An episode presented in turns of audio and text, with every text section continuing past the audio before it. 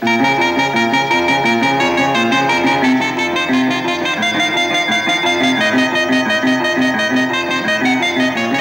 venez souvent ici, monsieur?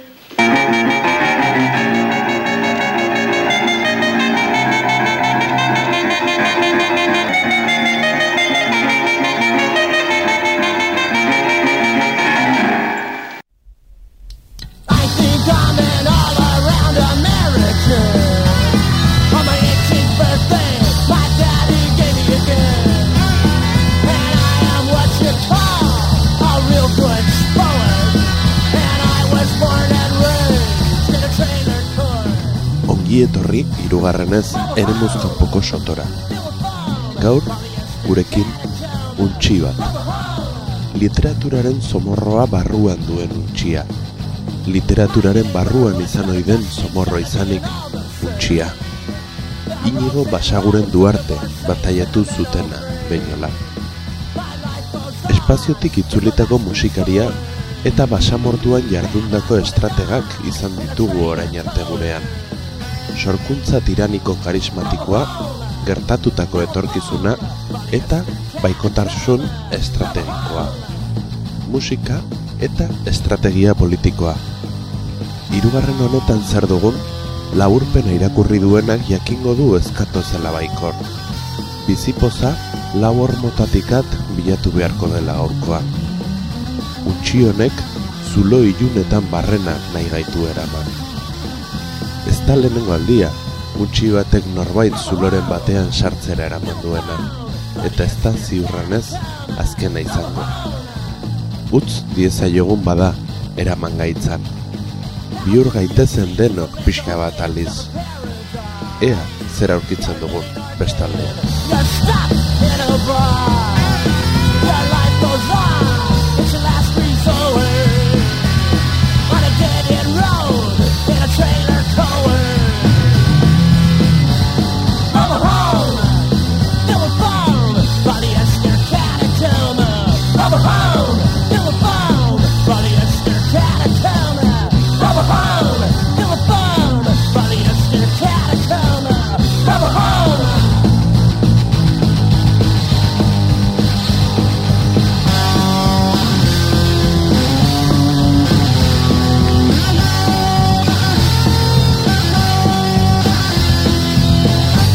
Ni bezalako zaborra baino ez.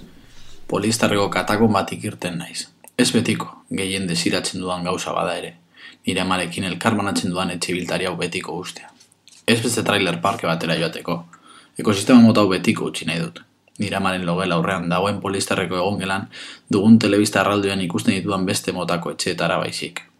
Nire amak eta biok bizito gitzat dugun trailer park horretatik saltoki guneraino ez dago mota horretako etxerik kafetegiak, bolatokia, tabernak, tatuaje dendak, bermepeko askatasuna lortzeko diru bermea, abokatuak, ordainsari historiak eta bestelako hainbat lokal. Baina erten beharra daukat. Momentuz, justizia egiteko. Tira, justizia baino gehiago mendekua. Ume kabroi puta horiek gurutzatu berre zuten muga gurutzatu dute, eta larrutik ordainduko dute.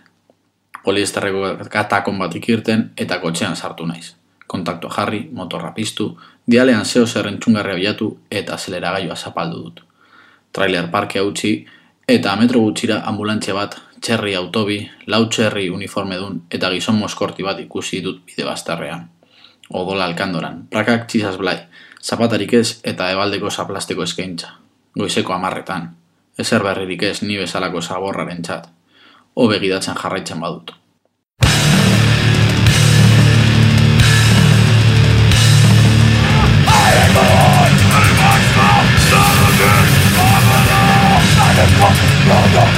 Ordu bete biraka eman ondoren, kotxea Deniz kafetegiaren aparkalekuan utzi du. Gerrak itxali, giltza kontaktutik kendu eta kotxetik irten naiz. Sarreran aure bat dago atea oztopatzen. Mokazinak, galtzardi zuriak, praka rosa laburrak, Arizonako Barringer Craterraren souvenir kamiseta eta jaka bakera. Zaharrak ahoa ireki du eta kuiratz lurrina irten da. Urtzeak itxita eman duen estolda bat ireki izan balute bezala. Hau bai gazte satarra, esan du. Arabi gehiago erakutsi beharko zenuke lastana. Eman diodan belaunka da zurrean minduta geratu da. Negar sotinka. Eskuekin barrabil zahartu eta zintzilikariak estaltzen ditu. Honek mina baretuko balio bezala. Kafetegira sartu eta barraen atzean Marisa ikusi dut. Marisa nire institutora zijoan. Bietako batek ere ez nuen bukatu. Berak lana aurkitu zuen amasi urteekin eta hemen jarraitzen du. Koipe eta kafein asko kondenazio eternal honetan hiltzen du bere denbora. Hiltzen du denborak. Ama urterekin geratu zen aurdun lehenengoz. Hogei urte bete zituen erako, hiru abortu eginak zituen. Ez da datu harrigarria, bere amak lehen hilerokoa izan ondoren gizonei nahi zuten eman behar ziela esan ziola kontuan izan da. Aholku bikaina. Orduan ez izen Marisa ez etxik ez ematen, eta hankak eskatzen zion edo zein irekitzen. Ez da datu harrigarria, beraz, hogei urteren bueltan zegoenan bere irugarren abortu egin izan. Zer nahi duzu esatea? Egunero gurutatzen ditut kalean abortatuak izan behar zuten pertsona. Mundu baten mesedean. Abarnaka, eundaka, hiru abortu ez dira inbeste. Ordutik, baina, Marisak ez du abortu gehiagorik egin. Egun batean, Rele Parke bateko White Trash bati, tabernalatiko komunean sakila zurrupatzen ari ziola, honek astakeria bat bota honen zion. Ez dakigu zehazki zer esan zion, baina Marisari urtetan irentzitako bortza eta mespretsu sexualak urdaietik gora egin eta tipoaren sakilari inka bat eman zion. Tipoak, sakila odola, odoletan ikusten inpresa batik eta gorputz oso azerkatu zion minagatik, kona hortegatu zuen. Orduan atera zuen Marisak komunitik arrastaka, eta tabernaren erdian botata utzi zuen. Prakak belonetatik, sakila odoletan. Isiltasuna jabetu zen taberna, soilik posgreitotik ateratzen zen musikak hautsita. Eromen igarokorra gurgudeatuz, kondena txikia esarri eta zen kartzela sartu behar. Ordutik ez duan karterik ireki Marisa. Komunera joteko edo bere txeko bakarratean bere buruarekin jolasteko ez bada.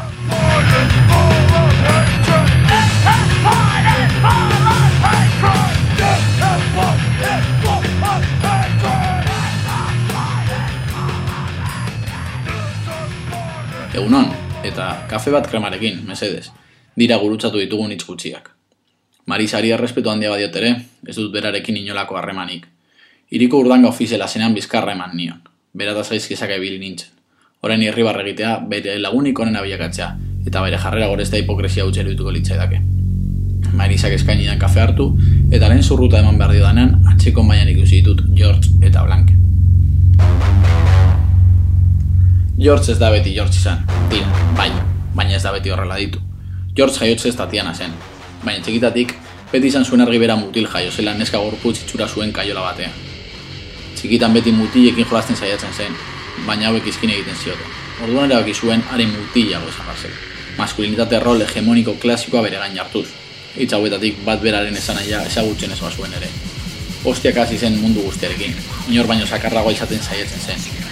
Amaitu amala urterekin, baina bere gorputzak emakume jaio zela gogoratzea erabaki zuen. Titiak hasi zitzaizkion, eta jerakoa etorri zitzaio.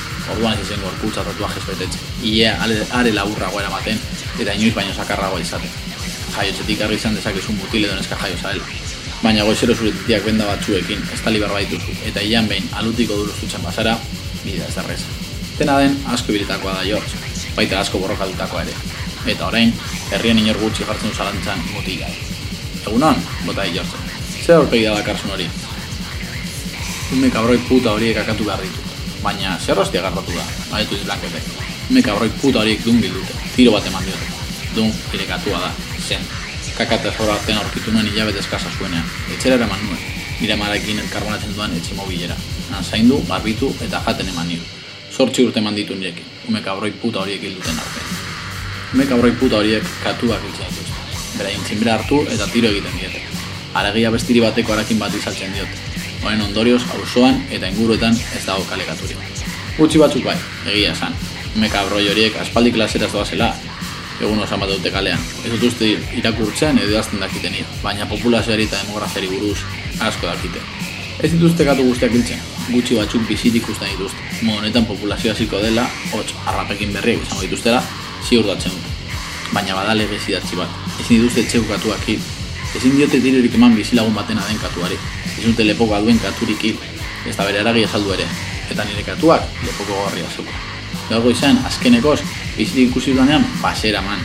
Gaur goizean, bizilagun batek ume kabroi puta horiek nire katu saku batean sartzen ikusi ditudanean, lepoko gorriagatik identifikatu du.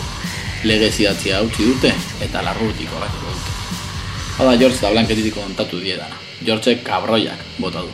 Blanket ordea kontu kontari hasi da. Ume kabroi puta horietako bat nirekin zegoen arrera pizua. Badakizu, Amari nire kustodiak endu ziotenean, hamukatu nuela. Badan ezagutu nuen ume kabroi puta horietakoa. Joder, txo. Nire motxila astuna bazan, berea zen batera. Aitarik ez du ezagutu. Amak adikzioa eraso larri bazeukan, jokoa. Etxera sartzen zen dura purra makina argitxuek irezten zuten. Ez egon inorretzen, inoiz. Soik bera eta bera reba. Inorre zen beraita zarduratzen. Inork ezin kasu hostirik egitu. Momentu batez, ez geratu da. Bakizu nire gurasoek ere nitaz paso egiten zutela. Eta goizero ikastetxean ikasketa buruak okusatzen duela.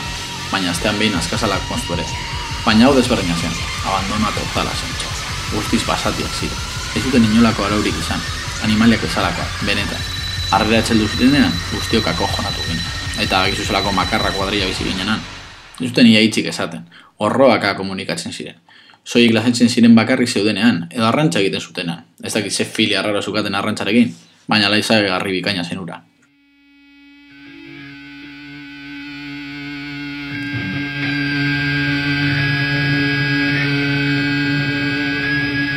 Trago bat eman dio kafeari jarraitu horretik. Beramaren lagunen batek bortatzen zituela ere entzun dut. Bera eta bera arreba. Hori komentatzen zen arreratzean. Kontaktu fisikoaren aurrean zuten erantzun bortitzak egia zela pentsatzera eramaten nau. Eta beste bat gauza, txo. Egun osan manezak egun mekabroi horri buruz hitz egiten. Kafeari azken trago bat eman. Ume horrek, bizandakoa ez da bat ere samurra izan. Berdin dit, bota dio. Ume kabroi puta horiek dun dut eta mendikatu behar du.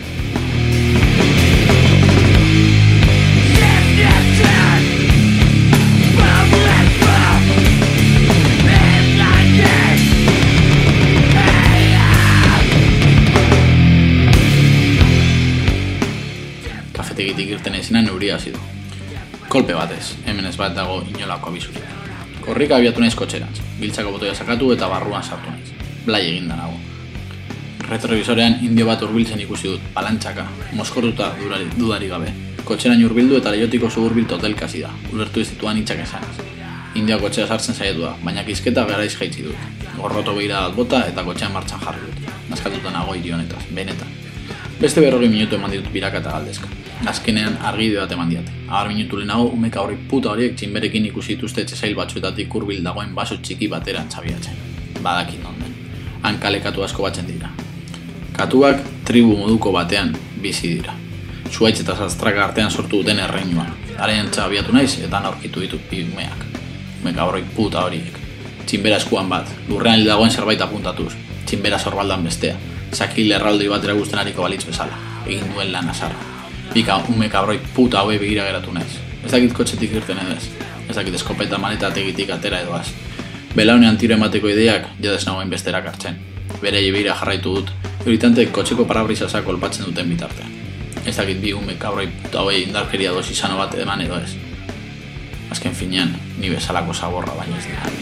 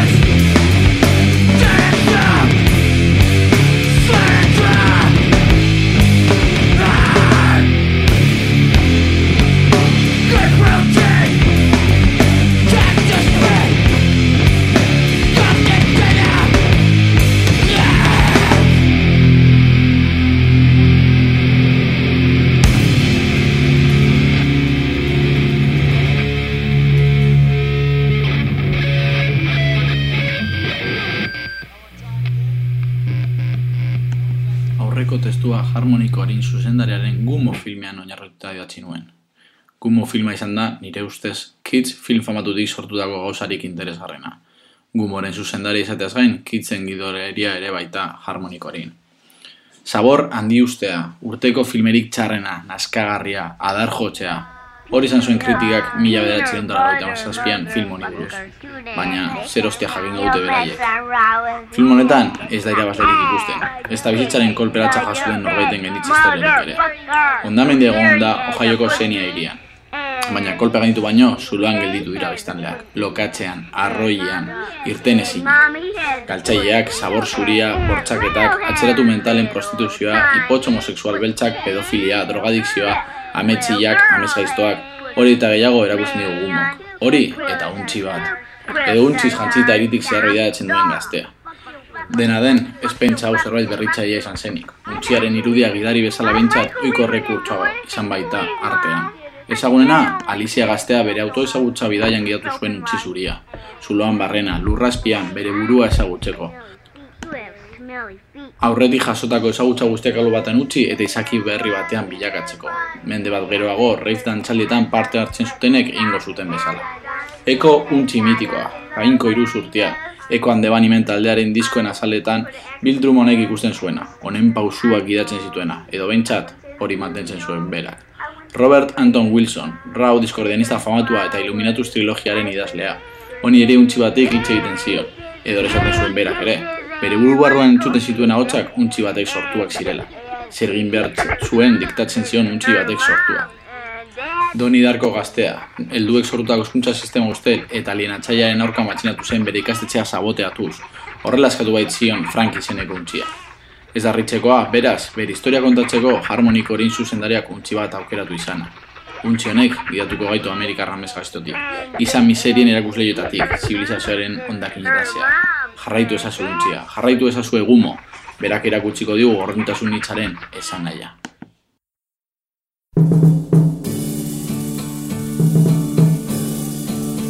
I was all right for a while. Could smile for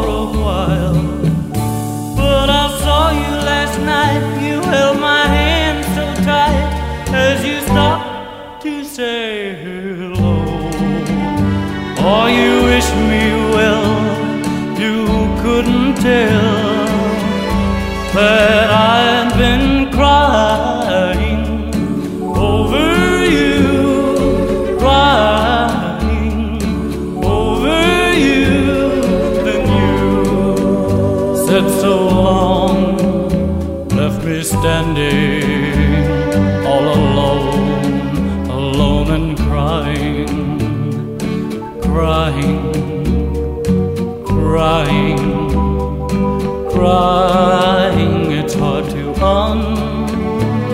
understand, but the touch of your hand can start me crying. I thought that I was over you, but it's true, so true. I love you even more